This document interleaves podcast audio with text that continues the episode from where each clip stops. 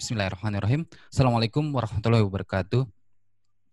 Alhamdulillahirrahmanirrahim. Wassalatu wassalam ala asrafil anbiya wal mursalin wa ala alihi washabihi ajmain. Amma ba'd.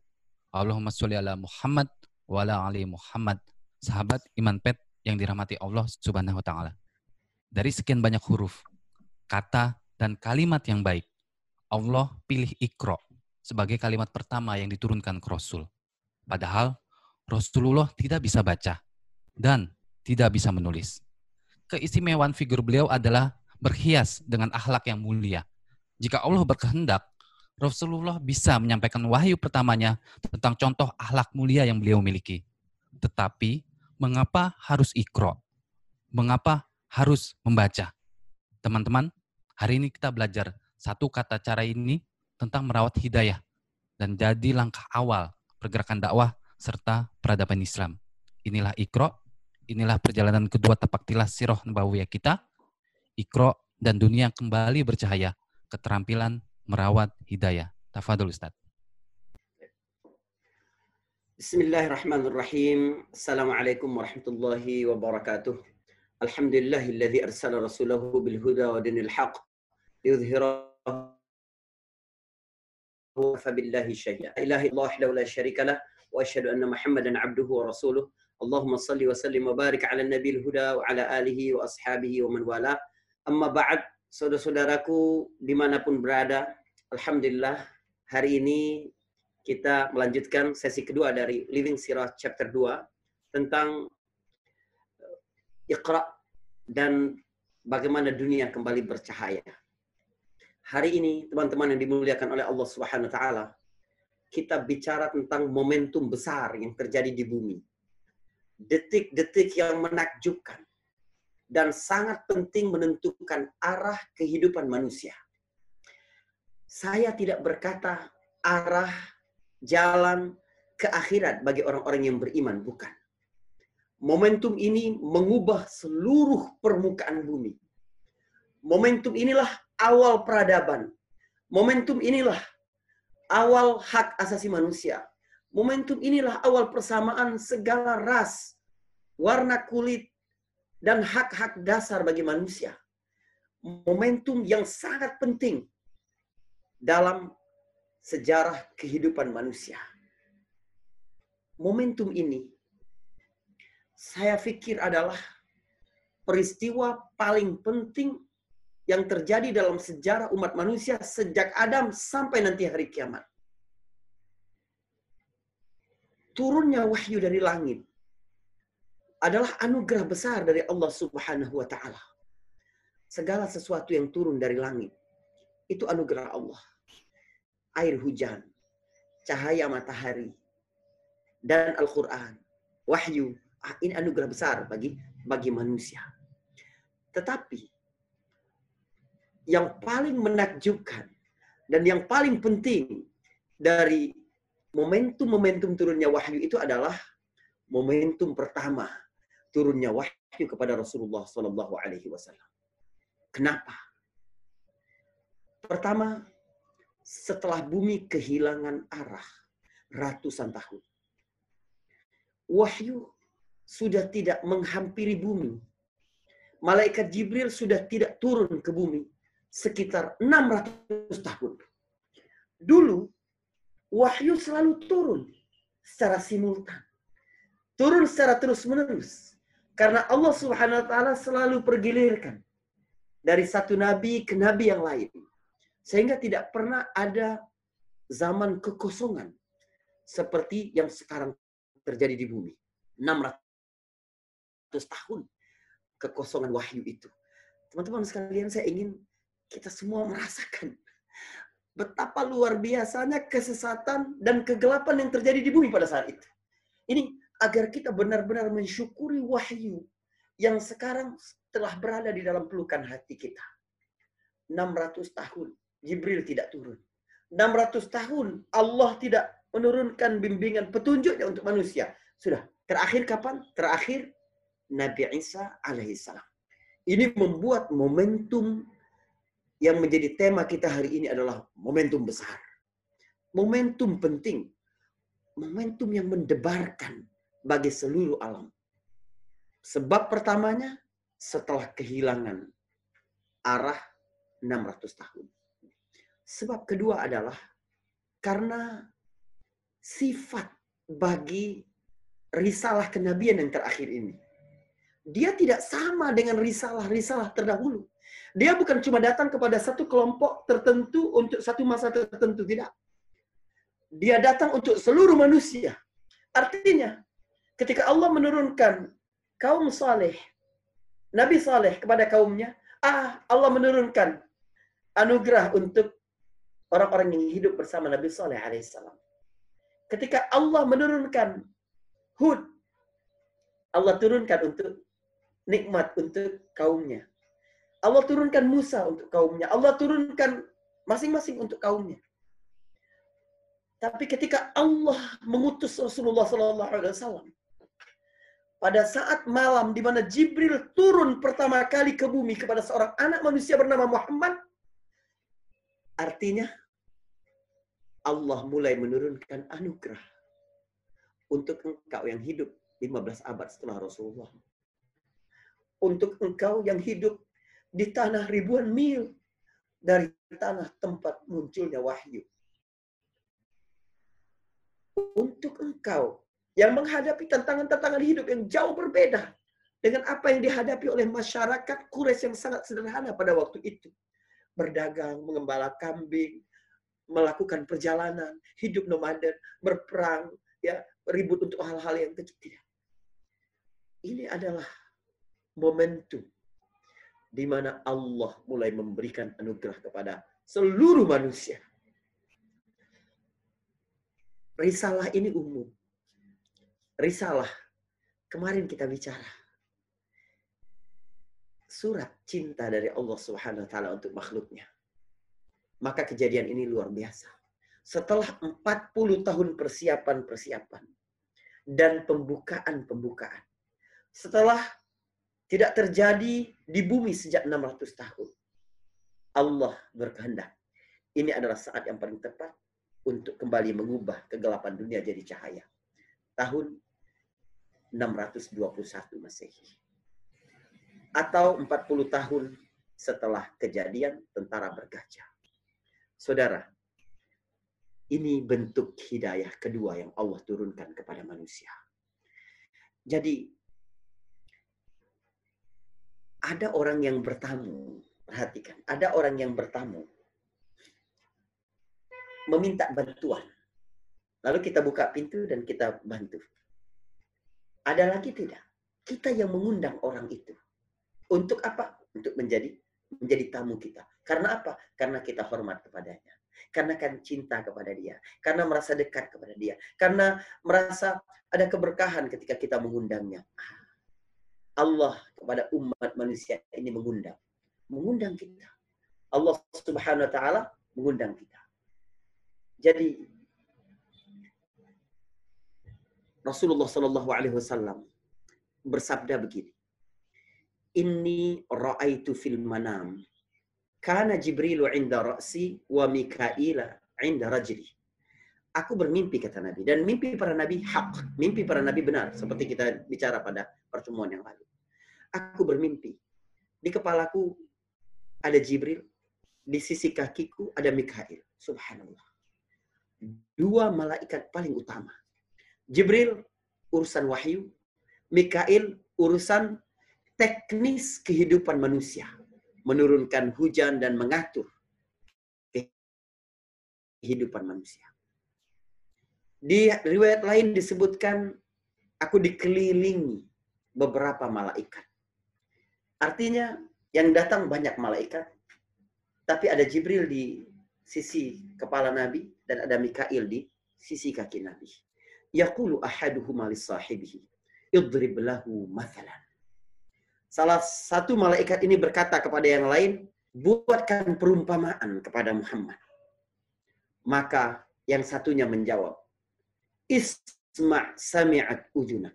Dengar baik-baik sampai telingamu mendengar dengan sangat baik wa'qal aqila qalbak dan gunakan otakmu sampai otakmu benar-benar bekerja dengan innama mithluka wa mithlu ummatika. Sungguh perumpamaan antara engkau dan umatmu kama thali malikin. Seperti seorang raja yang membuat perkampungan. Perhatikan. Perumpamaan dalam agama ini, di dalam Al-Quran, di dalam hadis sangat banyak agar dapat kita rasakan. Karena dekat dengan kehidupan kita sehari-hari. Karena itu banyak perumpamaan-perumpamaan biar pesannya menjadi lebih dalam ke dalam hati kita. Kata malaikat, seperti seorang raja, seperti ada seorang raja yang membuat satu perkampungan. Jadi di situ banyak orang. Thumma bana fiha baitan. Lalu raja itu membangun sebuah rumah.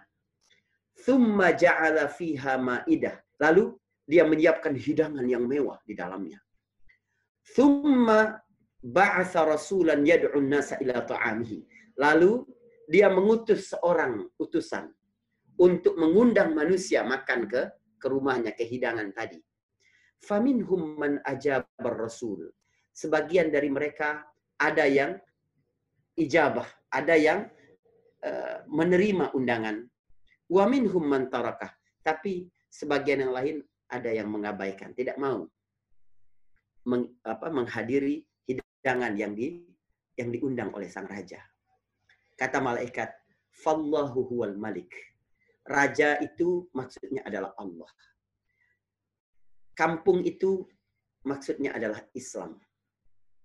Rumah itu maksudnya adalah surga. Dan engkau adalah ya Muhammad adalah Rasul. Engkau ya Muhammad adalah utusan yang disuruh untuk memanggil orang-orang tadi untuk makan. Siapa yang datang memenuhi undangan, maka mereka itu masuk Islam. Maknanya mereka masuk Islam. Siapa yang masuk Islam berarti dia masuk surga. Siapa yang masuk surga berarti dia akan makan. Dia akan menikmati seluruh kenikmatan yang ada di dalamnya. Hadis ini ya ada dalam Sahihul Jami' dari sahabat Jabir bin Abdullah. Saudara, ini bicara tentang hidayah. Bagaimana Allah Subhanahu wa taala menginginkan umat manusia ini berjalan di jalan yang memberi keselamatan bagi dia. Maka Allah bekali manusia ini empat macam hidayah. Hidayah pertama adalah hidayah ammah. Al-hidayah al-ammah maksudnya hidayah secara umum. Apa itu? Allah berikan mata kepada kita untuk bisa melihat. Allah berikan telinga untuk bisa mendengar. Allah berikan akal untuk bisa berpikir. Allah berikan hati untuk dapat merasa. Allah berikan hidung untuk dapat mencium. Itu semua hidayah dari Allah. Namanya hidayah umum kepada seluruh manusia. Kalau manusia tidak menggunakan ini dengan baik, maka dia disebut kufur nikmat. Baik. Hidayah yang kedua adalah hidayah wahyu. Ah, ini yang sedang kita bicarakan. Hidayah jenis kedua ini ada utusan yang dipanggil, yang diperintahkan oleh raja, ajak orang masuk ke rumah ini. Untuk apa? Apakah raja butuh kepada rakyatnya? Tidak. Raja ingin mengundang makan rakyatnya. Tapi ada yang mau, ada yang tidak. Ini hidayah wahyu. Yang ketiga adalah hidayah taufik. Hidayah wahyu maksudnya apa? Sang raja memerintahkan utusannya untuk mengundang orang. Undangan itu namanya hidayah wahyu. Ada orang yang menerima, ada yang tidak. Ah, yang menerima itu mendapat hidayah jenis ketiga, yaitu hidayah taufik. Begitu dia menerima hidayah taufik, maka dia memperoleh hidayah keempat, yaitu hidayah surga. Menuntunnya kepada kehidupan dengan kenikmatan yang tidak terputus. Ada orang yang merasa bahwa segala kenikmatan itu ada di dunia ini. Lalu dia berusaha berletih-letih menghabiskan seluruh waktunya, seluruh pikirannya, seluruh ya eh, semangatnya, seluruh tenaganya untuk dunia. Dia lupa. Ada puncak dari seluruh akhir kehidupannya, yaitu surga ini. Jadi Allah telah berikan dirimu hidayah umum berupa akal yang sehat, pandangan, pendengaran, hati, dan seterusnya. Lalu Allah mengutus Nabi untuk melengkapi hidayah kedua. Hidayah wahyu ini. Lalu kita Alhamdulillah termasuk orang yang memenuhi undangan itu. Untuk apa teman-teman sekalian? Untuk apa kita ini berada bersama-sama di sini? Untuk apa? Coba. Kita berada di sini. Ada 361 yang yang sekarang gabung bersama kita sekarang. Untuk apa kita sama-sama melakukan ini? Karena kita memenuhi panggilan wahyu. Kita mendapat taufik dari Allah Subhanahu wa taala. Subhanallah. Lalu kita ikut apa tidak taufik itu? Kalau kita mengikutinya, kita akan memperoleh surganya. Saya berikan ilustrasi.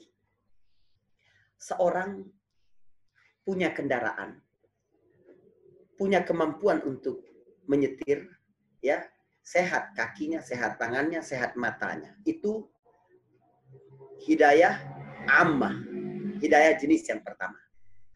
Lalu kemudian dia mau pergi ke ke Andara misalnya, ke rumah Mas Bayu ini. Dari rumah saya mau ke rumah Mas Bayu. Mau pergi ke Andara, nanya ke saya, Ustadz gimana jalan ke rumah Mas Bayu? Gitu ya. Sultan Andara itu bukan Raffi Ahmad, Mas Bayu. Baik. Ustadz bagaimana caranya mau pergi ke Andara dari sini? Maka saya beri petunjuk jalan ke rumah Mas Bayu. Petunjuk jalan ini namanya wahyu. Saya berikan kepada orang ini. Bapak ketemu perempatan pertama belok ke kiri. Setelah itu lurus, ada perempatan lagi lurus. Masuk ke tol, keluar di Andara. Saya, saya bilang begitu. Itu saya berikan hidayah wahyu untuk orang itu. Lalu orang itu ikut apa tidak? Kalau orang itu ikut jalan yang seperti saya tunjukkan, maka dia memperoleh hidayah taufik. Aha. Karena bisa jadi seseorang mendengar hidayah wahyu. Dia nanya ke saya, saya jawab dengan yang sebenarnya. Tapi kemudian begitu jalan, dia ada keraguan dalam dirinya. Benar apa enggak sih Ustadz nih? Jangan-jangan Ustadz nih nggak pernah jalan sini. Ini bisa juga kok belok ke kanan kok gitu. Misalnya begitu. Tiba-tiba dia nyampe ke mana? Dia nyampe ke Sawangan. Bukan nyampe ke ke arah Andara. Kan sesat dia. Tidak sampai ke rumah Mas Bayu. Ah, rumah Mas Bayu itu surga. Jannah. Ya, semoga juga menjadi surga di di dunia bagi Mas Bayu dan keluarga. Bayangkan teman-teman sekalian, ini jenis-jenis wahyu tadi. Engkau memiliki kemampuan, engkau dapat petunjuk jalan ke situ, engkau mengikutinya, dan engkau sampai ke tempat itu. Inilah makna hadis dalam Sahihul Jami' ya di uh, dari Jabir bin Abdullah.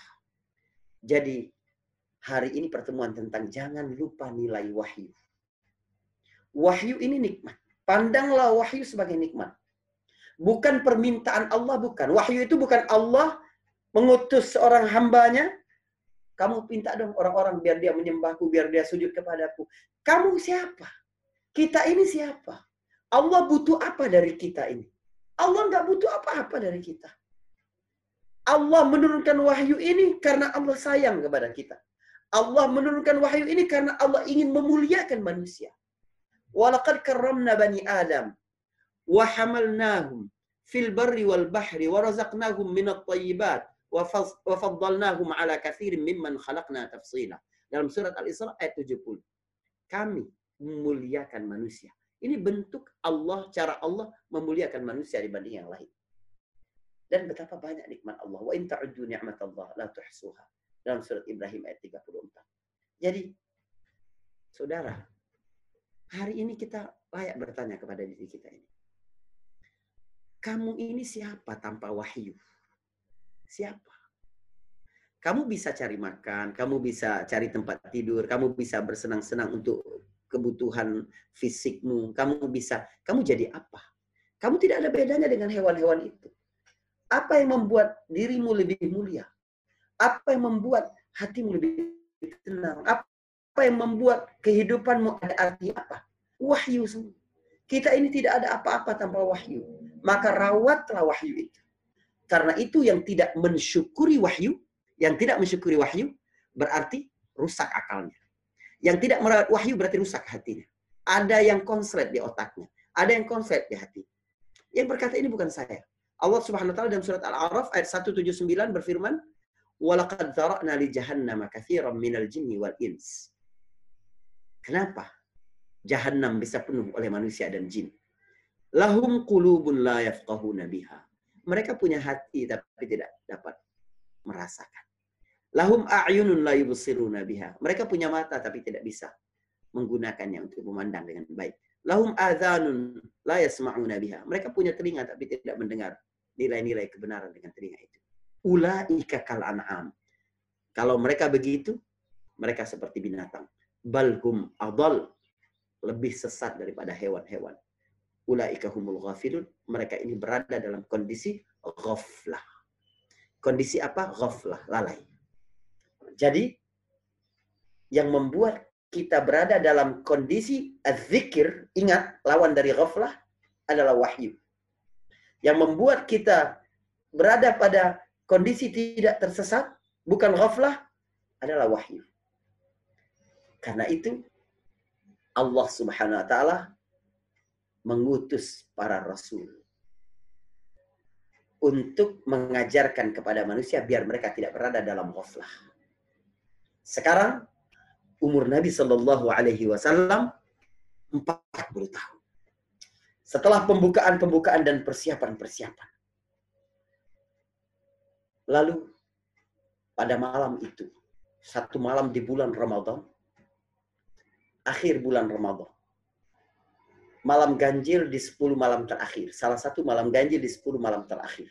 Mungkin malam 21, mungkin malam 23, mungkin malam 25, mungkin malam 27, mungkin malam 29. Tapi kebanyakan ahli tafsir menyebutkan malam 27 Ramadan. Jadi bukan tanggal 17 Ramadan bukan nuzul Quran tapi tanggal 27 Ramadan. Turunlah Jibril ke bumi setelah 600 tahun tidak turun. Nabi Muhammad yang telah dua tahun dibuat oleh Allah Subhanahu wa taala suka menyepi ke Gua Hira. Malam itu sedang sendiri dan dia memang sendiri di situ. Tiba-tiba datang satu makhluk yang belum pernah dia lihat sebelumnya. Coba bayangkan ya. Kita ini ringan mendengar kisah ini karena kita sudah tahu itu adalah itu adalah Jibril.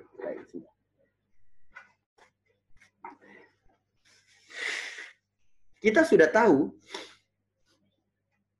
karena ini Jibril. Nabi tidak tahu itu. Nabi Wasallam menarik diri dari praktek paganisme yang ada di Quraisy karena hatinya menolak. Tidak mungkin itu.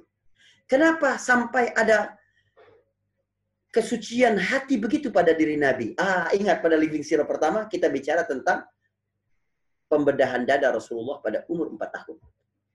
Waktu malaikat membelah dadanya, malaikat mengambil satu daging hitam dari hati Rasulullah SAW dan berkata, Hada hazus syaitan mink. Ini adalah bagian setan yang ada padamu. Lalu dicuci oleh malaikat dan diletakkan kembali ke tempatnya. Artinya, memang tidak ada tempat lagi bagi syaitan untuk Rasulullah Shallallahu Alaihi Wasallam sejak saat itu. Kenapa? Karena telah disucikan oleh malaikat dalam peristiwa syakus sadar atau pembelahan dada itu. Saudara, tapi Nabi masih bingung. Nabi tahu bahwa berhala-berhala itu mustahil itu adalah Tuhan yang berhak untuk disembah. Mustahil mereka itu yang menentukan aku selamat atau celaka dalam kehidupan. Perdaganganku untung atau rugi. Keluargaku bahagia atau tidak mustahil. Nabi sudah sampai di situ. Tapi siapa Tuhan yang patut untuk disembah? Dan bagaimana cara menyembahnya? Nabi Muhammad berada dalam keadaan bingung pada waktu itu. Wa wajadaka fahada. Bukankah kami dapati engkau? Dia dapati engkau dalam keadaan bingung. Mana Tuhan yang berhak untuk disembah dan bagaimana menyembahnya? Dalam kondisi seperti itu, Jibril turun ke Rasulullah. Satu makhluk yang benar-benar langka. Nabi belum pernah lihat. Tidak mirip manusia, tidak mirip hewan, tidak mirip ya, tidak mirip apa pun. Bayangkan tiba-tiba Nabi begitu. Subhanallah. Lalu makhluk ini mendekat ke Nabi, tidak salam, tidak kenalan langsung berkata, Iqra. Kita nih ngaji di rumah soalnya. Bayangkan gua Hira. malam gelap. Ya. Kalau teman-teman masih muda ini kuat, kita umrah sirah nabawiyah ke sana malam-malam dan merasakan momentum itu. Dengan siapa pun Anda umroh ya. Terus rasakan itu. Gelap. Tiba-tiba datang satu makhluk. Sama sekali dia belum pernah lihat bentuk seperti itu. Makhluk apa ini? Lalu datang kepadanya dan berkata, Iqra, baca. Nabi Muhammad saking terkejutnya. Tidak bertanya, kamu ini siapa? Kok bisa datang ke sini tiba-tiba? Tidak. Nabi Muhammad langsung bilang, aku gak bisa baca. Langsung mengikuti alur permainan makhluk itu. Baca, aku gak bisa baca. Fadommani, kata Nabi. Lalu dia memelukku. Sampai aku susah bernafas. Saudara, Rasulullah ini fisiknya kuat. Rasulullah ini pemberani. Rasulullah ini tidak lemah. Tapi malaikat memeluk Rasulullah sampai Nabi susah bernafas. Tenaganya jauh lebih kuat lagi. Fadammani hatta balagha minni al-jub. Kata Nabi. Dia memelukku sampai aku merasa kesulitan, kata Nabi. Thumma arsalani. Lalu kemudian dia apa? Uh, dia lepaskan lagi. Lalu dia kembali berkata, Iqra, baca. Aku kembali menjawab. Ini hadis Aisyah, ya, riwayat Bukhari. Lalu Nabi kembali menjawab, Ma'ana biqari. Aku nggak bisa baca. Fadammani. Sekali lagi. Malaikat itu memeluknya sampai dia sulit bernapas. Lalu kemudian melepaskannya lagi. Lalu berkata lagi, Iqra tiga kali. Aku bilang, aku tidak bisa baca. Kemudian malaikat ini memelukku lagi. Sampai aku susah bernafas. Lalu kemudian dia melepaskan. Lalu dia berkata, Iqra bismi rabbikal ladzi khalaq. Khalaqal insana min 'alaq. Iqra wa rabbukal akram alladzi 'allama bil qalam. 'Allamal insana ma lam ya'lam. Lalu malaikat itu pun menghilang. Subhanallah. Coba bayangkan berempatilah kepada Muhammad pada malam itu apa yang dia rasakan. Saudara, kenapa Iqra datang berulang-ulang? Kenapa Jibril tidak datang langsung berkata Iqra bismi rabbikal ladzi khalaq khalaqal insana? Tidak. Kenapa Jibril berkata Iqra lalu Nabi menjawab ma ana biqari? Terjadi dialog. Lalu kemudian Jibril memeluk Nabi sampai Nabi sudah bernafas. Lalu Jibril melepaskannya lagi dan mengulangnya sampai tiga kali. Kenapa? untuk memberitahu Muhammad. Engkau dalam keadaan bangun. Engkau berada dalam kesadaran 100%. Engkau tidak bermimpi. Engkau tidak tidur. Engkau tidak menghayal. Jadi ketika Nabi bercerita ini kepada orang-orang dan orang-orang tahu kejujuran Muhammad, orang-orang mestinya sadar. Ini bukan perkara main-main. Jelas sekali undangan ini. Iqra dalam keadaan penuh kesadaran. Muhammad, kamu tidak bermimpi, Muhammad. Sampai tiga kali diulang. Dan setelah itu baru Jibril mengucapkan lima ayat pertama dalam surat Al-Alaq. Saudara, Nabi adalah orang Arab yang sangat fasih, sangat tinggi bahasanya. Nabi terbiasa mendengar syair-syair. Jadi, saya pasti yakin, saya yakin seyakin-yakinnya bahwa Nabi pasti merasa ini bukan kata-kata biasa. Nabi sudah biasa mendengar kata-kata indah, syair-syair dan bait-bait puisi. Sudah biasa. Jadi Nabi pasti dari susunan kata ini merasa bahwa kata-kata ini bukan kata-kata biasa. Gak ada manusia yang dapat bikin susunan seperti ini.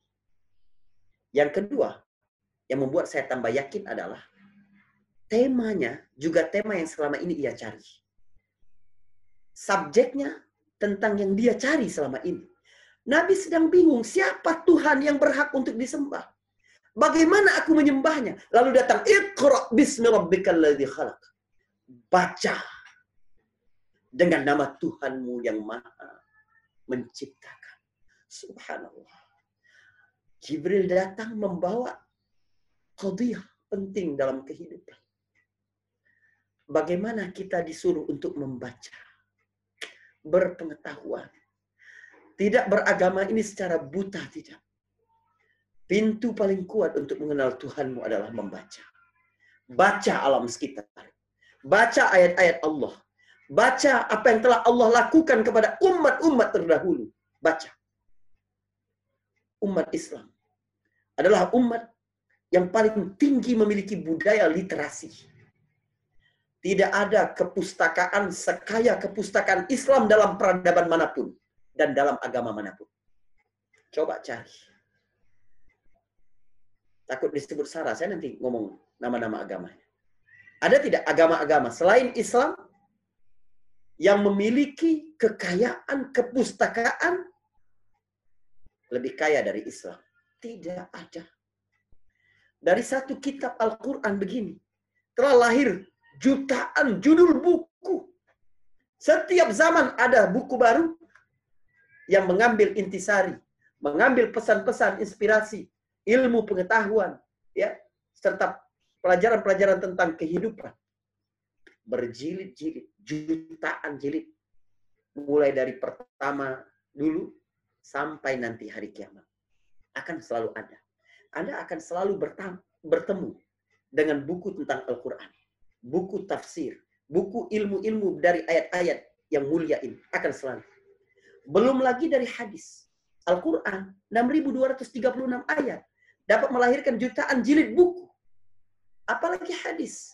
60 ribu lebih hadis sahih yang ada di dalam Islam ini. Subhanallah. Agama ini mengajarkan kita untuk naik. Untuk lebih tinggi dari siapa pun. Siapa yang lebih tinggi peradabannya di dunia ini. Orang yang lebih banyak membaca. 50 orang paling sukses di Amerika Serikat pernah dikumpulkan lalu mengisi formulir apa saja yang menjadi sebab-sebab kesuksesan mereka. Mereka ditanya, menurut kamu apa yang membuat kamu sukses? Dikumpulkan jawaban-jawaban itu. Di list setiap orang menulis apa sebab-sebab dia sukses. Saudara, banyak faktor yang membuat mereka sukses. Masing-masing berbeda-beda. Tapi common faktor, faktor paling banyak yang sama antara 50 orang itu adalah kebiasaan mereka banyak membaca.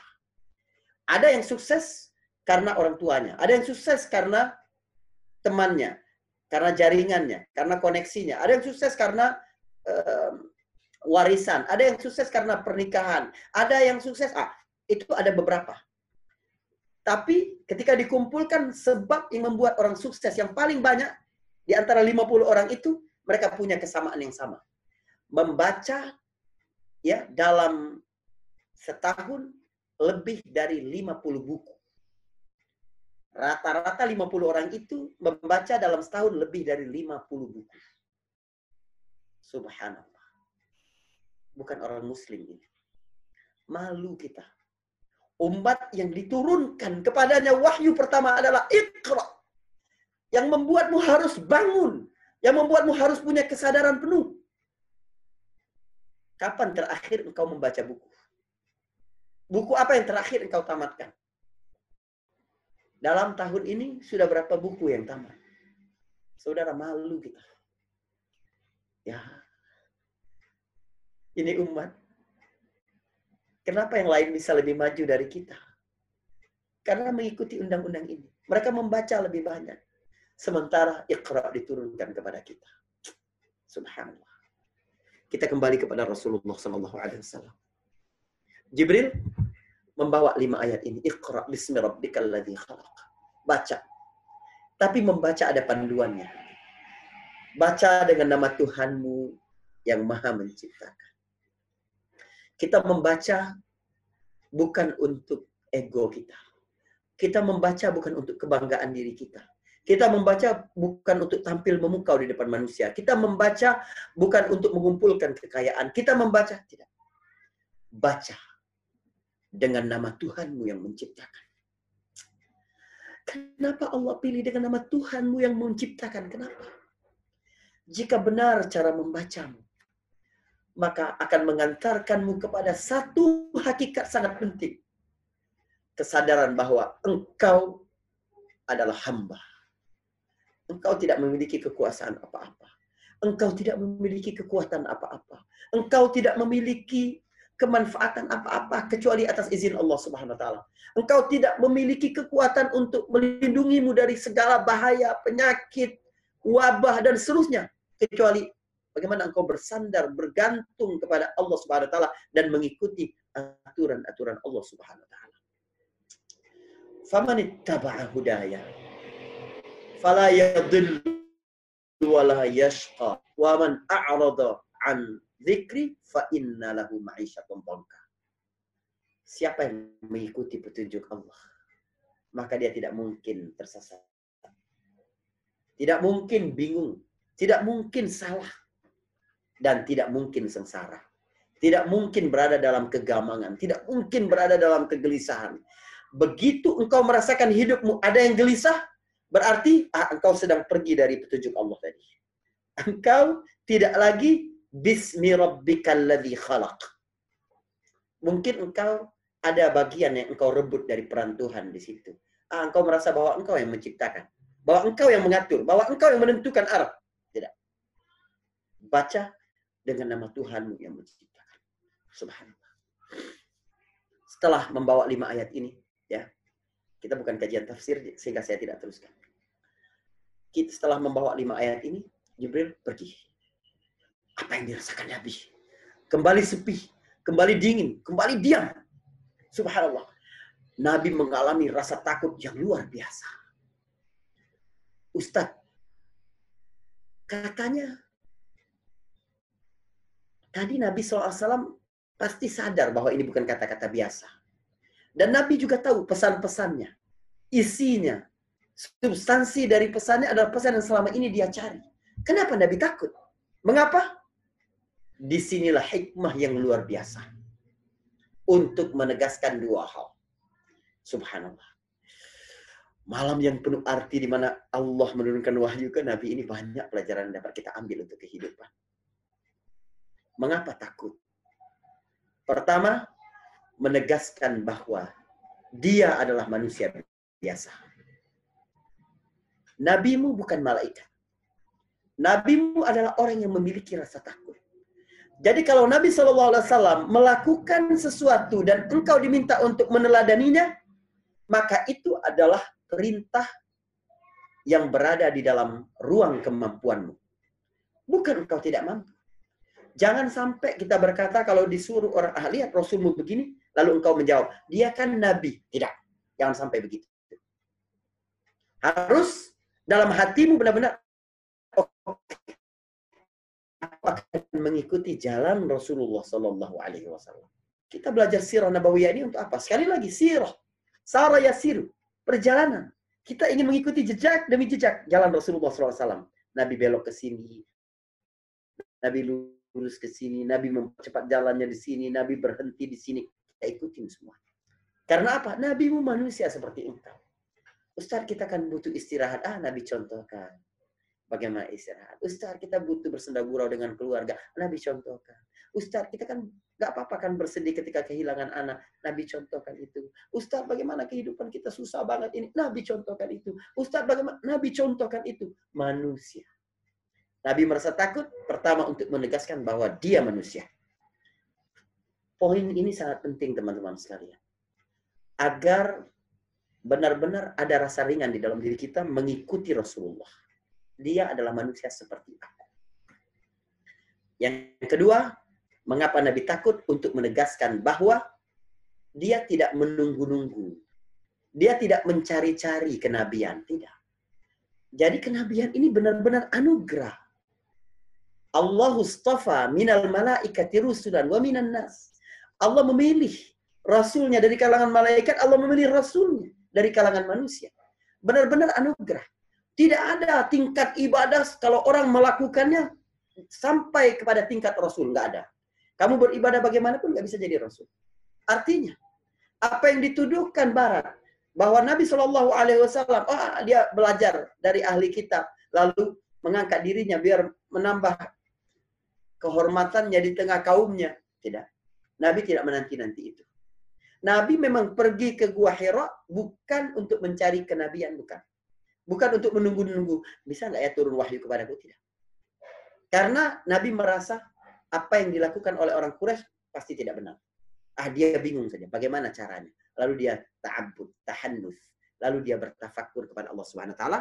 Lalu kemudian Allah kirimkan kepadanya nikmat yang besar yaitu ar-risalah, kenabian. Kejadian ini teman-teman sekalian sangat menakjubkan. Sangat menakjubkan. Tetapi menurut saya yang lebih menakjubkan adalah apa yang terjadi ketika Nabi pulang ke rumahnya. Manusia yang berada sendiri di tengah kegelapan malam, jauh dari masyarakat itu. Malam itu turun dari Jabal Nur, dari Bukit Nur. Turun. Rasanya kata Nabi, aku ingin menggulingkan diriku. Gak kuat. Nabi takut, jangan-jangan dia ini udah gila. Jangan-jangan ada roh jahat yang masuk ke dalam dirinya. Nabi nggak mau itu terjadi. Nabi sangat sehat ini. Nabi tidak kuat menanggung itu. Maka Nabi segera pulang ke rumahnya, mengetuk pintu rumahnya. Yang membuka adalah istri yang berakhlak mulia dan berakal. Subhanallah. Wanita terbaik untuk laki-laki yang terbaik. Nabi berkata kepada Khadijah, Khadijah selimuti aku. Sang istri tidak mengejar pertanyaan, ada apa? Kenapa wajahmu berubah? Kenapa sangat takut? Dia tahu suaminya sedang tidak bisa bercerita. Ini bukan waktu yang tepat untuk berbicara kepada suaminya. Ini pelajaran penting banget untuk teman-teman yang perempuan. Jangan memaksa. Ya. Apa yang engkau lakukan, banyak sekali perempuan melakukan perbuatan yang benar, tapi salah timing, salah waktu. Sehingga ribut suami istri. Jangan. Lihat keadaan yang tepat untuk itu. Jadi wanita dalam hal ini banyak yang bukan pembaca timing yang benar. Khadijah, ibumu, ibu kaum mukmin ini mengajarkan hal itu. Nabi minta selimuti, udah diselimuti sama Khadijah tanpa bertanya. Biarkan suaminya tenang dulu. Subhanallah. Besoknya Nabi merasa agak tenang, baru Nabi bercerita kepada Khadijah. Cerita Nabi kepada Khadijah ini akan kita jadikan sesi khusus minggu depan. Tentang akhlak secara khusus. Kenapa saya skip? Karena sebenarnya kalau kita bicara sirah nabawiyah dari awal sampai akhir, kita bicara tentang daftar akhlak-akhlak baik dalam kehidupan. Kita bicara tentang keajaiban attitude untuk kesuksesan dan kebahagiaan seseorang.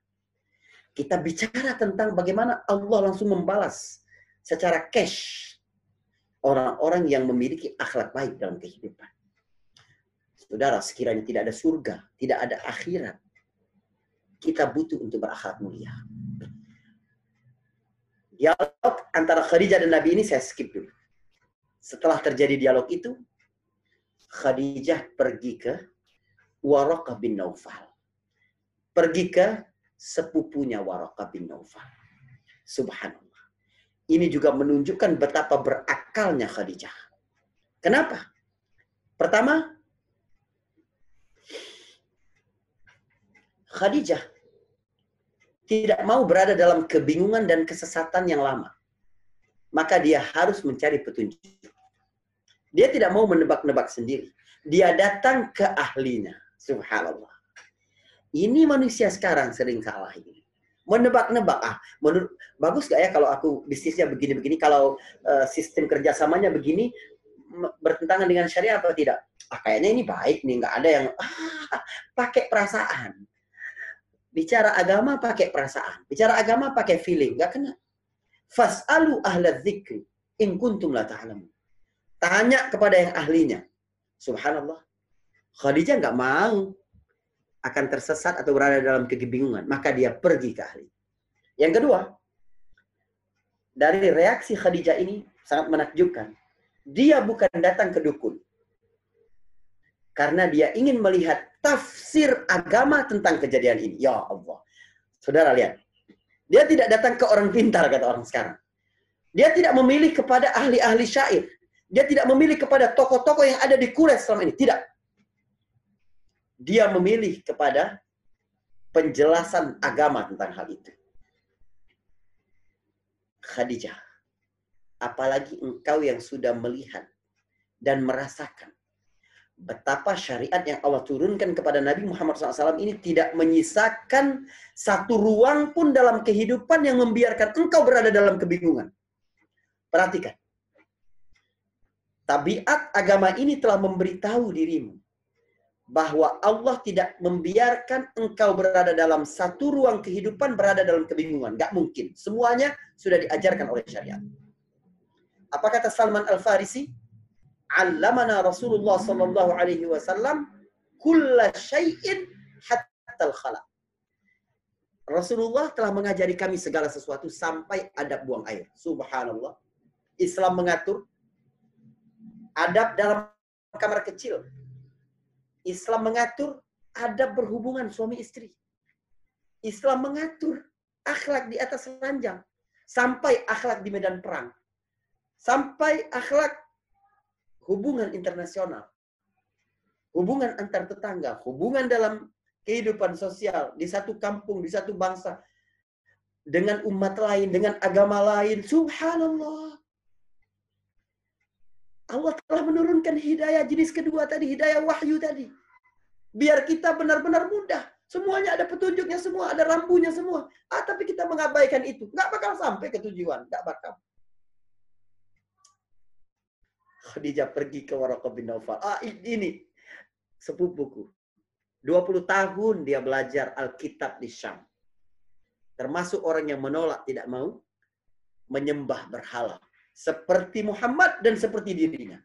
Khadijah pada pertemuan Living Sirah terakhir, kisah cinta yang paling hebat, kita kemukakan dalil-dalil bahwa Khadijah juga tidak ikut menyembah berhala. Pergi Khadijah kepada sepupunya Warqah bin Naufal. Kenapa Khadijah segera pergi? Pertama, tidak mau berada dalam kesesatan dan kebingungan yang lama. Jangan gunakan intuisi, feeling dalam urusan agama ini, jangan. Yang kedua, pergi ke ahlinya. Agama menjawab segala persoalan kehidupan. Yang ketiga, juga agar kita tahu. Dari kejadian Khadijah pergi ke Waraqah bin Nawfal yang belajar Alkitab, kita jadi tahu betapa besarnya kriminalitas, betapa besarnya kejahatan ahli kitab berusaha merahasiakan dan mengingkari kenabian Muhammad. Mereka di Syam yang menerima Alkitab dan selalu membacanya mustahil tidak tahu. Mereka mengetahui tentang Nabi ini seperti mereka mengetahui tentang anak-anak mereka. Warakah orang Mekah saja belajar ke situ dapat tahu. Khadijah datang kepada Warakah dan Khadijah berkata, Wahai anak pamanku, dengarlah apa yang ada dari Muhammad. Lalu Nabi bercerita kepada Waraqah bin Nawfal. Subhanallah. Ini ada satu hikmah yang besar juga. Waraqah memeluk agama Nasrani. Menjadi pengikut Isa alaihissalam. Nabi terakhir sebelum Muhammad. Umurnya sudah 90 tahun lebih ketika itu. Sudah buta Warqah bin Nawfal. Beberapa hari setelah pertemuan itu Warqah bin Nawfal wafat. Seolah-olah Allah memang cuma menahan umur Waraqah karena ada satu misi yang belum disampaikan oleh Waraqah. Biar kamu yang menyampaikan kepada Muhammad bahwa dia adalah Rasul. Subhanallah. Ingat, Nabi tahu bahwa dia adalah Rasul bukan dari mulut Jibril, bukan. Pertama-tama Nabi tahu dari Warqah bin Naufal, seorang Nasrani. Sebuah simbol bahwa pesan yang Allah bawa kepada Nabi Muhammad ini bukan sama sekali baru. Tapi dia adalah lanjutan risalah Nabi-Nabi terdahulu. Kalau kalian mengaku beriman kepada Isa, berimanlah kepada Muhammad. Kalau kalian mengaku beriman kepada Musa, berimanlah kepada apa yang dibawa oleh Muhammad Sallallahu Alaihi Wasallam. Khadijah tahu juga hal itu. Ibnu Ishaq dari Ibnu Sa'ad meriwayatkan hadis. waktu ada ihtifal, ada perayaan di jahiliyah, Khadijah bermain bersama teman-temannya. Lalu datang seorang Yahudi dan berkata, kayaknya, kata orang Yahudi itu, kayaknya masanya ini sudah dekat seorang Rasul datang dari kalian, dari bangsa kalian. Kata orang Yahudi itu. Maka kalian ayo dong, patutkan dirimu, baikin diri kamu, berhias akhlakmu. Siapa tahu salah satu dari kamu ini jadi pasangan bagi dia. Kalau kamu bisa mengusahakan jadi istri bagi Nabi itu, maka kalian lakukan itu. Perempuan-perempuan di Quraisy itu melempari pasir kepada laki-laki ini. Apa sih lu gak jelas banget begitu? Hanya satu yang tidak melempari. Perempuan yang berakal. Khadijah binti Khuwailid. Subhanallah. Ketika Khadijah datang kepada Warqa, dia bilang, aku berharap jangan-jangan ini yang disebut Nabi terakhir. Nabi menceritakan kejadian malam itu kepada Waraqah bin Nawfal. Waraqah menyampaikan beberapa berita penting kepada Rasulullah. Pertama, innaka la rasulu hazihil ummah. Innaka la rasulu akhir zaman. Engkau adalah rasul umat ini. Engkau adalah nabi akhir zaman. Subhanallah. Bayangkan bagaimana Nabi SAW mendengar hal itu. Nabi tentu telah mendengar cerita para nabi. Karena dia berdagang ke Syam, mendengar begini orang cerita Nabi Musa, Nabi Isa. Tiba-tiba Allah memilihku. Tidak memilih Al-Mughirah bin Syu'bah. Tidak memilih Al-Walid bin Mughirah. Tidak memilih tokoh-tokoh Quraisy yang lain. Tidak atau tidak memilih dari Romawi, tidak memilih dari Persia, tidak memilih orang-orang yang ada ahli kitab dari Syam. Allah memilihku. Dan dia tahu itu dari mulut Waraqah bin Nawfal. Inna kalau rasulu hadhil ummah. Engkau. Rasul terakhir. Kepada seluruh manusia ini. Bukan kepada orang Mekah saja. Ya, bagaimana perasaan Rasulullah? Ini informasi pertama dari Waraqah. Informasi kedua dari Waraqah bin Nawfal. Yang datang kepada engkau tadi malam adalah An-Namus dalam bahasa Alkitab, malaikat Jibril disebut an-namus, nyamuk besar karena besar sayapnya. Aku kedatangan seorang, kedatangan satu makhluk sama dengan yang datang kepada Musa. Subhanallah. Normal Nabi takut. Seperti Musa dulu juga takut ketika memperoleh wahyu. Engkau adalah Rasul, yang datang kepadamu adalah Jibril. Lalu Apalagi informasi Waraqah. Ya laitani fiha jaz'an. Ya laitani akunu hayyan iz akhrajaka qaumuk. Perhatikan tiga informasi secara bersamaan. Kata Waraqah, informasi ketiga, sekiranya aku masih muda Muhammad. Sekiranya aku masih hidup Ketika engkau diusir oleh kaummu, aku akan berada di sampingmu membelamu. Subhanallah.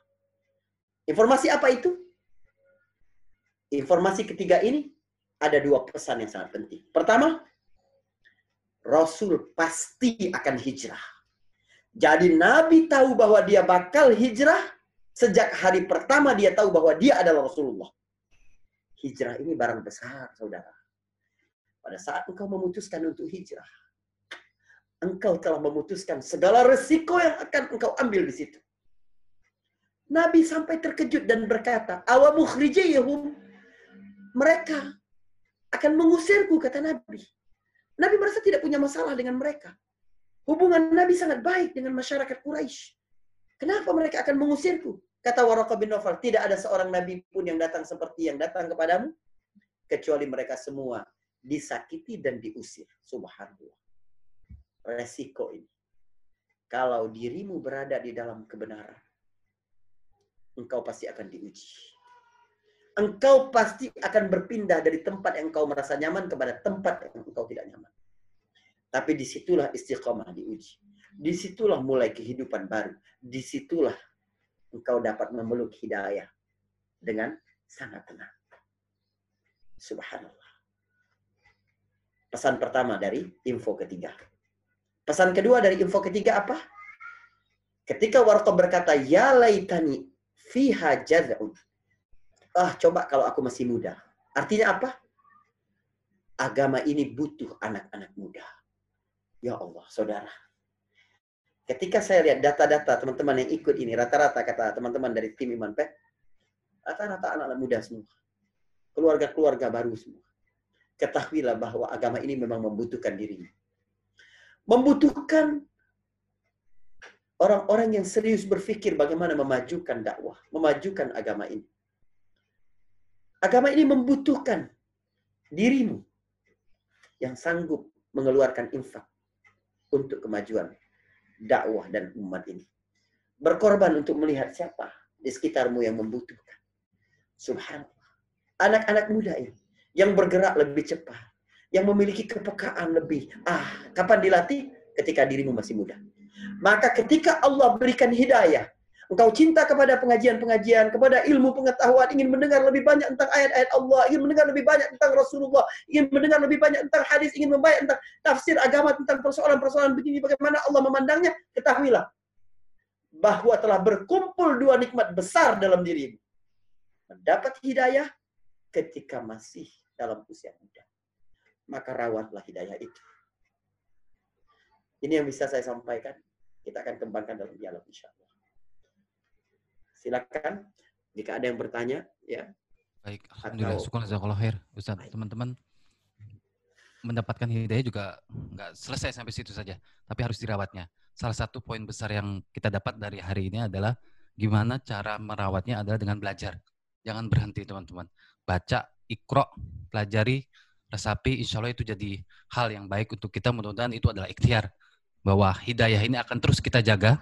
Allah akan rawat hidayah itu sampai nanti nafas kita terakhir ketika memang pada akhirnya dan di ujung. Insya Allah begitu ya teman-teman. Insya Allah kita berdoa bersama Insya Allah. Baik, Ustadz, uh, teman-teman bagi yang ingin bertanya langsung bisa resen. Ada beberapa yang sudah bertanya langsung. Kita ke Q&A dulu Ustadz Insya Allah. Baik, baik, baik ini silakan. sudah ada beberapa yang masuk Ustadz. Baik, bismillah. Baik Ustadz, uh, seingat saya di pengajian di The Latinos, Nuzul Quran adalah ketika Iqra diturunkan di Gua Hiro dan Lailatul Qadar Baik. adalah Quran diturunkan Allah ke Laul Mahfuz belum ke bumi. Apakah demikian ya Ustadz ya? Baik, baik, baik. Ya. Teman-teman sekalian, nuzul Quran itu terjadi pada malam Lailatul Qadar. Jadi pada saat yang bersamaan. Kenapa disebut Lailatul Qadar? Karena pada malam itu ditentukan segala peristiwa. Malam itu ditentukan takdir setahun manusia. Jadi Al-Quran diturunkan pada malam Lailatul Qadar. Perhatikan, ini satu malam berarti. Al-Quran diturunkan atau nuzul Quran. Nuzul Quran bahasa Arab, bahasa Indonesia-nya Al-Quran diturunkan. Nuzul Quran terjadi malam Lailatul Qadar. Kapan Lailatul Qadar? Pada satu malam ganjil di bulan Ramadan. Sepuluh hari terakhir di bulan Ramadan. Bagaimana turun Al-Quran? Al-Quran turun dua tahap tahap pertama dari sisi Allah Subhanahu wa taala ke langit pertama. Ada satu pos namanya Baitul Izzah. Di Baitul Izzah Al-Qur'an pertama-tama turun dari Lauhil Mahfuz ke Baitul Izzah seperti yang sekarang ada dalam pangkuan kita ini. Dari mulai Al-Fatihah sampai An-Nas dengan urutan yang sama seperti ini. Udah full seperti ini. Transit di langit pertama namanya Baitul Izzah. Lalu pada malam itu juga, jadi malam Lailatul Qadar itu, Allah turunkan Al-Quran ke Baitul Izzah. Lalu dari Baitul Izzah, Jibril membawa lima ayat. Pertama di surat Al-Alaq ke Gua Hira. Kemudian beberapa hari setelah itu turun lagi ya Yuhal Muzamil. Setelah itu turun lagi ya Al-Mudassir. Setelah itu turun Al-Fatihah. Setelah itu turun Wadduha. Terus sampai ayat di Al-Baqarah wattaqu yauman turja'una fihi ila Allah tsumma nafsin ma kasabat wa hum la yuzlamun dalam rangkaian ayat-ayat riba. Itu ayat yang terakhir turun kepada Nabi sallallahu alaihi wasallam. Dalam tempo waktu 22 tahun, 2 bulan, 22 hari. Dari sejak Iqra sampai ayat terakhir itu. Itu jawabannya. Baik. Baik, syukur jazakallahu khair Ustaz. Teman-teman kalau ingin lengkap tentang Al-Quran ya, bagaimana runutannya dan turun ke bumi. Insya Allah sebetulnya kita info, kita jabarkan secara lengkap dalam kelas utama Iman Pet ya, Ustaz. Pada saat ya. sesi iman kepada Al-Quran ya, Ustaz. Insya Allah mudah-mudahan teman-teman bisa ada kesempatan waktu join di kelas utama Iman Pet. Insya Allah teman-teman ya. Baik, kita ke pertanyaan berikutnya Ustaz. Sebelum masuk pertanyaan uh, langsung dari teman-teman. Assalamualaikum Ustaz. Uh, mau tanya perihal tadi Ustaz menceritakan tentang Rasulullah di Gua Hiro yang katanya belum tahu siapa Tuhannya selama ini. Baik. Uh, apakah peristiwa dari nabi-nabi sebelum beliau tidak ketahui, tidak diketahui oleh beliau ya Ustadz? Karena sepengetahuan saya, semua nabi sebelum Rasulullah mencari siapa Tuhannya. Artinya mungkin sudah tahu Tuhannya Allah Ustadz. Uh, mohon penjelasannya Ustadz. Tidak, Nabi berada dalam kebingungan. Ya, jadi kalau Nabi mendengar dari ahli kitab, ketika Nabi berada di Syam, itu kan sudah banyak sekali inhiraf. Telah banyak sekali penyelewengan-penyelewengan dalam agama. Karena mereka juga melakukan itu, orang-orang Yahudi. Ya, apalagi pengikut Isa al-Masih kemudian menuhankan Isa juga. Jadi Nabi berada dalam kebingungan. Apakah dan orang Quraisy juga kenal tentang Allah Subhanahu wa taala, tapi menjadikan berhala-berhala itu sebagai wasilah mendekatkan diri mereka kepada Allah. Nabi nggak terima yang begitu-begitu. Maka Nabi bingung bagaimana sih sebenarnya menjalin komunikasi yang tepat kepada zat yang menciptakan segala sesuatu itu. Siapa yang sebenarnya zat itu? Nabi berada dalam kebingungan. Sama yang terjadi dengan Nabi Ibrahim alaihissalam. Karena memang manusia begitu. ya Manusia begitu. Saya lupa ini ini di kelas Iman Pet yang mana itu ya kelas-kelas utamanya. Kita bicara bahwa fitrah manusia itu sudah sampai bahwa ada Tuhan yang menciptakan dan mengurus segala alam. Fitrah manusia sudah sampai bahwa dia harus menjalin kontak komunikasi dengan Tuhan itu. Tapi akal manusia tidak sampai untuk mendefinisi siapa Tuhan itu. Akal manusia tidak sampai kepada bagaimana cara berkomunikasi dengan dia. Karena itu manusia macam-macam. Ada yang bakar kemenyan, ada yang kasih sesajen, ada yang motong ayam dibuang ke laut, ada yang kasih buah-buahan ke pohon-pohon. Karena akal manusia nggak sampai. Karena itu Allah turunkan wahyu. Itu. Baik, baik. Alhamdulillah. Mudah-mudahan cukup terjawab ya teman-teman. Kita coba unmute ke pertanyaan langsung nih Ustadz insya Allah. Dari Mbak Anita, mudah-mudahan bisa di-unmute. Assalamualaikum Mbak Anita. Silakan.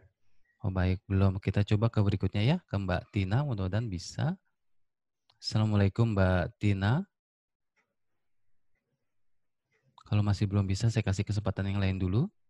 Baik, saya coba ke berikutnya ke Pak hmm. Putra. Waalaikumsalam. Oh, baik Mbak Tina, silakan silakan, Mbak. Ya, saya mau menanyakan yang pertama, yang saya ketahui itu bahwa Lailatul Qadar itu kan tanggal eh, uh, 27 Ramadan. Nah, lalu nuzul nuzul Quran itu 17 Ramadan. Itu Al-Qur'an diturunkan. Itu nuzul Quran uh, kan arti nuzul Quran kan Al-Quran diturunkan. Nah itu tanggal 17 itu gimana penjelasannya Ustadz? Enggak. Jadi itu yang, yang pertama. diturunkan. Terus ada lagi nih Ustadz, yang okay, kedua. Baik. Tadi yang disebut mereka uh, kondisi yang lalai. Ya. Itu Al-Ah Al-A'raf ayat berapa ya Ustadz? Al-A'raf ayat 179. Oh ya, 179. Baik. Baik. Baik. Baik, ya, itu aja berarti itu Mbak Tina? pertanyaan. Ya, baik, ya, baik, itu aja. Insya Allah mungkin pertanyaan pertama, Stad, yang Terima mohon dijelaskan kembali. Terima kasih. Kukron, Tapi pertanyaan pertama ini sudah saya jelaskan di jawaban sebelumnya, ya bahwa tidak benar nuzul Quran tanggal 17 tidak benar. Jadi 17 Ramadan itu apa Ustaz? 17 Ramadan itu tanggal merah. Ya udah ambil aja lah daripada kita masuk kantor, ambil aja tanggal merah. Ya. Namun tidak benar Al-Qur'an turun tanggal 17 ini tidak benar. Karena dia pasti di 10 malam terakhir ganjil di bulan Ramadan kesalahan tanggal dalam sejarah ini terjadi dalam seluruh umat yang lain. Tentang hmm. kapan sebenarnya hari Natal, kapan sebenarnya uh, Paskah, kapan sebenarnya lahir Nabi Muhammad SAW, kapan sebenarnya Isra, kapan nah, kita kita uh, tanggalnya nggak ada yang pasti, ya. Terjadi perbedaan besar sekali. Tentang kelahiran Rasulullah SAW di Living Sirah pertama dulu saya jelaskan yang paling populer 12 Rabiul Awal. Tapi ilmu falak men, ya apa, menjelaskan, mengumumkan bahwa 12 Rabiul Awal itu bukan hari Senin. Pada tahun Nabi dilahirkan itu, bulan Rabiul Awal, hari Seninnya jatuh pada tanggal eh, 3, kemudian pada tanggal 2, pada tanggal 9, pada tanggal 16, pada tanggal 23, dan pada tanggal 30. Jadi nggak mungkin Nabi lahir tanggal 12, karena bukan hari Senin itu. Nah, tapi itulah tidak penting tanggal. Menggali sejarah ini kita mengambil hikmah-hikmah apa yang kita ya. bisa dapatkan dari kehidupan. Itu fokus kita. Baik, baik. Syukran Ustaz. Uh, banyak khilafiyah juga ya Ustaz terkait tanggal-tanggal seperti ini ya, Ustaz. Mudah-mudahan jadi pencerahan untuk teman-teman ya. Kita coba ke satu pertanyaan langsung ini. Insya Allah Pak Putra mudah-mudahan bisa. Oh baik. Assalamualaikum Pak Putra. Waalaikumsalam warahmatullahi Silakan, silakan. Tafadhol Pak Putra. Baik, jazakallah khair untuk kesempatannya. Tadi saya tertarik dengan statement bahwa Khadijah itu bertanya kepada expert Ustadz. Nah, Ya. apakah ada kaidahnya kapan kita harus bertanya kepada expert, kapan kita harus menyelesaikannya sendiri? Karena kan kita diberikan akal untuk berpikir dan hati untuk merasakan. Nah, ini kapan kita harus bertanya kepada yang expert dan kapan kita harus selesaikan sendiri Ustadz? Jazakallah Baik. khair. Baik, bagus sekali. Baik, syukran Pak Putra. Teman-teman sekalian, kita sekarang ini hidup di era yang berlimpah referensi. Maka yang terbaik bagi manusia adalah tidak bergerak sendiri sebelum melihat referensi lain. Bukan berarti kita melihat referensi lain, bertanya kepada expert itu kita tidak menggunakan akal. Justru itu di antara cara kita mengoptimalkan akal kita. Akal manusia menuntun kamu mau sukses tidak, maka kamu harus mengikuti jalan orang yang sudah sukses. Maka kita googling, kita cari bagaimana untuk sukses, bagaimana cara beternak lili, bagaimana cara berjualan online, bagaimana cara buka warung kopi, bagaimana cara bukan otak kita tidak bekerja, tapi kita melihat pengalaman-pengalaman terdahulu, mencari referensi bagian dari akal yang bekerja. Jadi semakin kaya referensi pasti akan semakin baik. Bikin flyer aja semakin banyak kita melihat eh, flyer-flyer lain, bikin apa namanya backdrop, background, back- backdrop dan segala macam itu, bikin desain desain rumah, bikin apa saja itu bukan berarti akal manusia tidak jalan, imajinasi manusia tidak berjalan, tapi semakin banyak kita mendapat referensi gitu. Nah, kalau dalam urusan agama tentu saja semakin kuat referensi, ah, maka kita akan lakukan itu. Jadi tidak saya pikir ya kalau menurut saya tidak bertentangan antara menggunakan akal dengan mencari referensi tadi. Wallahu a'lam bishawab. Baik, baik. Alhamdulillah. Eh, mudah-mudahan waktunya masih cukup, teman-teman. Insya Allah kita coba eh, maksimalkan paling telat. Mudah-mudahan Ustadz kalau boleh izin, Ustadz, eh, 11.40 mudah-mudahan kita bisa selesaikan, Ustadz, insya Allah. Baik, eh, kita ke Q&A dulu ya, teman-teman. Sebelum nanti ke pertanyaan langsung lagi ke berikutnya. ada juga di U, di Q&A penuh ya. Kayaknya ada yang di chat juga ya mungkin ya. Ya, ada beberapa yang mirip-mirip dan sama, Ustadz. Insya Allah yang mirip-mirip dan sama kita tidak tanya lagi ya, teman-teman. Insya Allah ya. Eh, baik, Ustadz, ini ada pertanyaan berikutnya, Ustadz, dari Q&A. Saya agak random sedikit, teman-teman ya. Eh, Ustadz, hidayah itu harus dicari. Tetapi apakah mungkin kita berharap hidayah itu datang kepada seseorang yang amat kita sayangi dan diharapkan baik ke depannya? Agar hijrah kita ini bersama, barengan, Ustadz. Dengan cara apa ya, Ustadz? Jika memang bisa seperti itu, mohon doa dan mohon nasihatnya, Ustadz. Baik, baik. Dilihat dari datangnya hidayah, itu ada dua jenis hidayah. Yang pertama adalah hidayah irsyadi, yang kedua adalah hidayah taufiqi. Hidayah irsyadi ini bisa kita usahakan. Tapi hidayah taufiqi tidak. Tadi saya berikan contoh. Kita bertanya atau kita memberitahu ini jalan ke rumah Mas Bayu yang benar, kita memberitahu pasangan, kita memberitahu orang tua, kita memberitahu saudara, ini cara hidup yang benar menurut Islam, itu berarti usaha kita mengajak mereka kepada hidayah. Artinya mereka sudah dapat hidayah irsyadi. Tapi mereka menerima apa tidak, kita nggak bisa maksa. Seperti Ibrahim tidak bisa memaksa Azar. Muhammad tidak bisa memaksa Abu Talib. Nuh tidak bisa memaksa Kanaan. Kemudian eh, siapa lagi? Lut tidak bisa memaksa eh, istrinya. Kemudian Asia tidak bisa memaksa Fir'aun. Karena itu milik Allah. Boleh tidak berusaha? Boleh. Berusaha dengan apa? Dua. Pertama, tidak lelah berdakwah kepada mereka, memberi mereka hidayah irsyad tadi. Terus diingatkan dengan cara-cara dengan strategi. Ah, nanti kita periode Mekah ini bicara tentang strategi itu loh. Strategi memberi hidayah irsyadi. Bagaimana apa yang harus kita lakukan? Kapan harus melangkah? Kapan harus diam? Kapan harus memberi hadiah? Kapan harus bergerak cepat? Kapan harus ini kita butuh tim mana saja untuk ah, ini kita pelajari di periode Mekah ini. Itu pertama yang kita lakukan. Tidak bosan melakukan tarbiyah, tidak bosan melakukan hidayah irsyad tadi. Yang kedua adalah berdoa kepada Allah Subhanahu wa taala. Selagi dia masih hidup, kita berdoa kepada dia. Ada harapan karena seluruh hati manusia ini berada di kekuasaan Allah Subhanahu wa taala, berada di antara jari-jari Allah Subhanahu wa taala, jari-jari Allah Subhanahu wa taala. Jadi selalu berdoa. kalau ada di antara orang tua kita, saudara kita ya, masih belum mendapat hidayah dari Allah Subhanahu wa taala, ah, maka terus berdoa kepada Allah insya Allah ya. Dengan doa Allah dapat mengijabah itu dan menjadikan mereka di situ. Namun hasil akhir dari segala usaha kita itu telah ditentukan Allah di, di Lauhul Mahfuz. Tugas kita berupaya secara optimal tadi saja. Baik. baik, baik Semoga Allah memberi hidayah kepada kita semua dan keluarga kita insya Allah. Amin Allahumma amin. Ustaz, uh, menyambung ke pertanyaan sebelumnya Ustaz. Uh, tadi terkait dengan hidayah ke orang lain Ustaz. Tapi bagaimana dengan kita ya Ustaz? Misalnya kita berharap orang dapat hidayah. Dan untuk merawat hidayah itu kan kadang kita harus istiqomah ya Ustaz. Ya. Dan untuk istiqomah itu kadang bisa jadi kita dianggap aneh, dianggap ah beda sendiri nih orang ini, nggak usah lah ditemani membuat kita sedih gitu Ustaz. Membuat kita merasa menyendiri gitu. Kira-kira ada nasihat nggak Ustaz dengan kondisi yang kadang dihadapi oleh teman-teman yang dalam kondisi seperti ini Ustaz? Baik, baik. Yang pertama, saya ingin mengajak teman-teman muhasabah diri dulu. Jangan cepat menyalahkan lingkungan, menyalahkan orang lain ketika kita hijrah.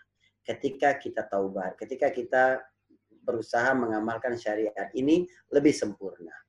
Dengan cara apa? Agama ini harus lembut. Tidak boleh demonstratif. Harus pelan-pelan. Begitu loh. Jadi ada orang yang mungkin belum siap, misalnya keluargamu atau apa. Bagaimana engkau memberi pemahaman secara pelan-pelan kepada mereka. Kalau sekiranya seluruh tahapan-tahapan kita sudah coba jelaskan dengan cara yang lembut, tidak bersifat bersikap demonstratif ya nampakkan betul bahwa oh nggak mau begitu, oh nggak mau salam gini bukan mahram, nggak mau misalnya begitu ya. Tapi anda usahakan dengan cara halus, misalnya, uh, misalnya aku tidak mau datang ke situ itu acara syirik, itu acara tidak benar, itu acara bid'ah, itu acara misalnya begitu ya. Ah, nggak boleh langsung demonstratif langsung bilang oh nggak mau saya datang begitu nggak bisa. Agama nggak bisa begitu. Orang lari dari kita mungkin kamu bisa alasan lain, ada keperluan, ada apa dan sebagainya. Sambil pelan-pelan coba jelaskan kepada mereka. Kalau sekiranya kita sudah melakukan itu dengan baik, maka serahkan kepada Allah Subhanahu wa taala. Mau mereka menerima, mereka tidak menerima atau bahkan mereka menentang itu resiko di jalan dakwah. Wallahu a'lam bishawab. Baik, baik. Syukran Ustaz. Uh, teman-teman tetap semangat ya. Ta'aruf yang paling penting, paling paling saya ingat dari Ustadz itu ketika kita mengajak orang itu ta'aruf teman-teman. Harus sefrekuensi dulu. Jangan ujuk-ujuk orang kerja di bank, eh bank riba, wah kabur teman-teman. Jangan. Mesti pelan-pelan dan mesti eh, halus sedikit gitu ya. Insya Allah Ustadz ini mungkin pertanyaan terakhir. Ada teman-teman yang ingin bertanya langsung insya Allah sebelum kita tutup dengan Siro Inspiration. Uh, kita ke Mbak Anita. Assalamualaikum Mbak Anita. Bisa di-unmute mungkin? Oke, masih nggak bisa. Saya coba ke berikutnya Mbak Tina. Coba. Assalamualaikum Mbak Tina. Baik, masih masih belum bisa ya. Ke Pak Andi, insya Allah. Assalamualaikum, Pak Andi. Ah, baik. Waalaikumsalam warahmatullahi wabarakatuh. Fadol Pak Andi, silakan. Pak Andi uh, dari komunitas mana ini? Saya dari Delatina, Ustaz. Berarti udah sering ketemu. Cuma namanya aja saya. Alhamdulillah. Uh, Afan mau izin tanya, ini tentang hikmah bahwa Rasulullah SAW itu ummi. Jadi maaf Bapak suaranya kecil sekali. Oh, baik, ini tentang bahwa Rasulullah oh, baik. disebut sebagai ummi. Hmm. Ya, jadi uh, mengingat bahwa beliau Shallallahu Alaihi Wasallam itu dari kalangan terhormat Bani Hashim, apakah benar bahwa di antara kaum yang sudah banyak yang melek bahasa itu justru Muhammad seorang Muhammad itu buta huruf tak bisa baca tulis atau baik, baik. ada apa hikmah apa di balik itu? baik baik. Masya Allah bagus sekali pertanyaan dan saya ke skip ini. Baik baik baik. Uh, teman-teman yang dirahmati Allah Subhanahu Wa Taala, Nabi ini adalah seorang yang ummi. Yang mengingkari ini ada sekelompok ya dari Syiah Rafidhah. Itu tidak menerima yang bilang Nabi ini tidak ummi. Kita ada bukti bahwa Nabi ini ummi dalam pengertian sebenarnya, tidak bisa baca tulis.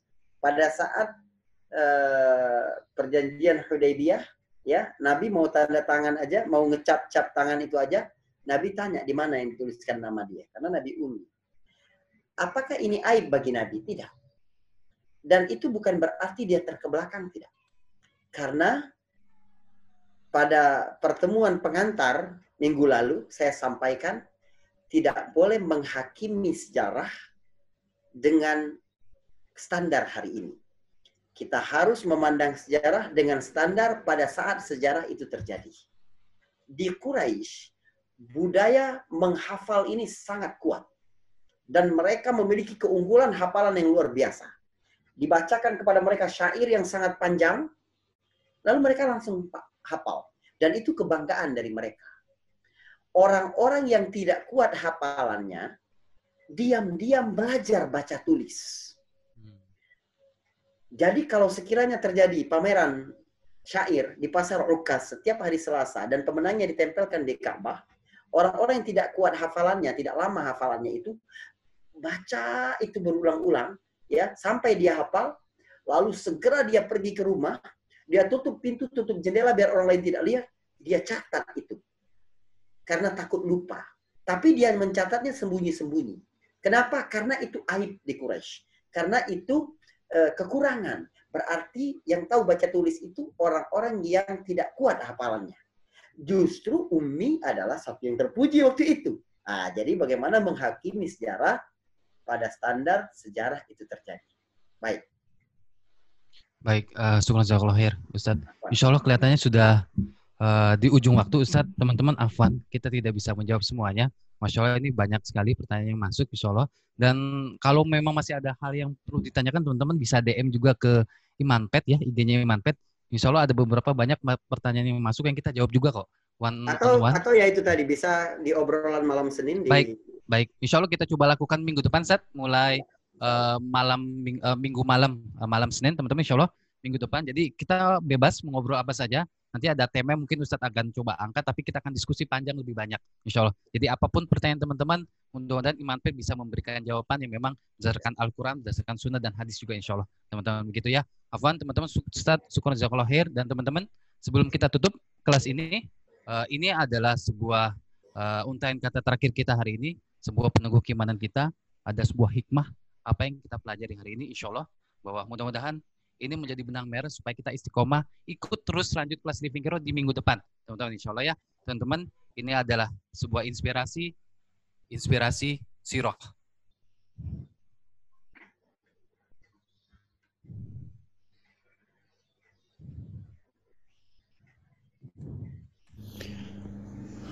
Saudara-saudaraku yang dirahmati oleh Allah Subhanahu wa taala. Manusia selalu berada di dalam keraguan, kebingungan, dan sering berada dalam kesulitan dan kesedihan. Untuk itulah Allah Subhanahu wa taala tidak mau membiarkan manusia berjalan tanpa panduan. Maka Allah turunkan wahyu kepada kita. Allah utus seorang rasul dan Allah takdirkan kita menjadi umat Rasul yang terakhir itu. Rasul satu-satunya di antara para rasul yang lain yang nanti akan memberi syafaat pada hari kiamat. Tentu saja yang pertama-tama dilihat oleh Rasul adalah umatnya sendiri. Terbayang tidak betapa besarnya nikmat Allah Subhanahu wa taala ketika menentukan saat engkau dilahirkan. Berada pada zaman Nabi Muhammad sallallahu alaihi wasallam. Allah berfirman dalam surat Al-Maidah ayat ke-15 Qad ja'akum minallahi nurun wa kitabun mubin. Sungguh telah datang kepada kalian dari Allah cahaya dan kitab yang sangat nyata. Cahaya itu adalah Rasul. Allah mensifatinya sebagai cahaya Allah ingin kehidupanmu terang. Allah ingin langkah-langkahmu terarah. Tapi banyak orang yang menolak itu. Di ayat ke-16 Allah berfirman, Yahdi bihillahu manittaba'a ridwanahu subulas salam. Wa yukhrijuhum minal zulumati ila nur biiznih. Wa yahdihim ila siratim mustaqim. Dengan cahaya itulah. Dengan wahyu itulah Allah memberi petunjuk orang-orang yang mengikuti keridoannya mengikuti jalan-jalan keselamatan yang dapat mengeluarkan mereka dari kegelapan kepada cahaya dengan izin Allah. Sekali lagi, semuanya dengan izin Allah. Bahwa jalan yang sekarang engkau pilih, engkau memilihnya bukan karena sampai pikiranmu, kecerdasanmu, pengalamanmu, lalu berkata ini yang benar, bukan. Tapi semuanya terjadi karena nikmat Allah Subhanahu wa taala engkau masuk di antara pilihan itu. Pahamilah wahyu sebagai nikmat dari Allah Subhanahu wa taala. Dan nikmat yang paling besar itu dia berikan kepada engkau. Berbahagialah karena kita semua mengikuti jalan Rasul sallallahu alaihi wasallam. Ya Allah, walaupun banyak di antara sunnah nabimu yang belum kami ikuti. Walaupun kami sering sekali berjalan tidak sesuai dengan yang diperintahkan oleh Rasulmu. Tapi saksikan, kami mencintainya. Kami selalu berusaha memperbaiki diri kami. Dan majelis ini adalah bagian dari usaha kami itu. Usaha dan bentuk kesyukuran kami. Karena engkau telah mengirimkan manusia yang agung ini untuk kami. Billahi taufiqul hidayah. Assalamualaikum warahmatullahi wabarakatuh. Waalaikumsalam warahmatullahi wabarakatuh. Teman-teman, dengan demikian kita sudah sampai di ujung uh, waktu kelas hari ini insya Allah.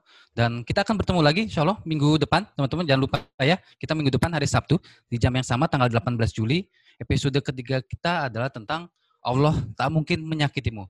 Ini bicara tentang the power of akhlak in life.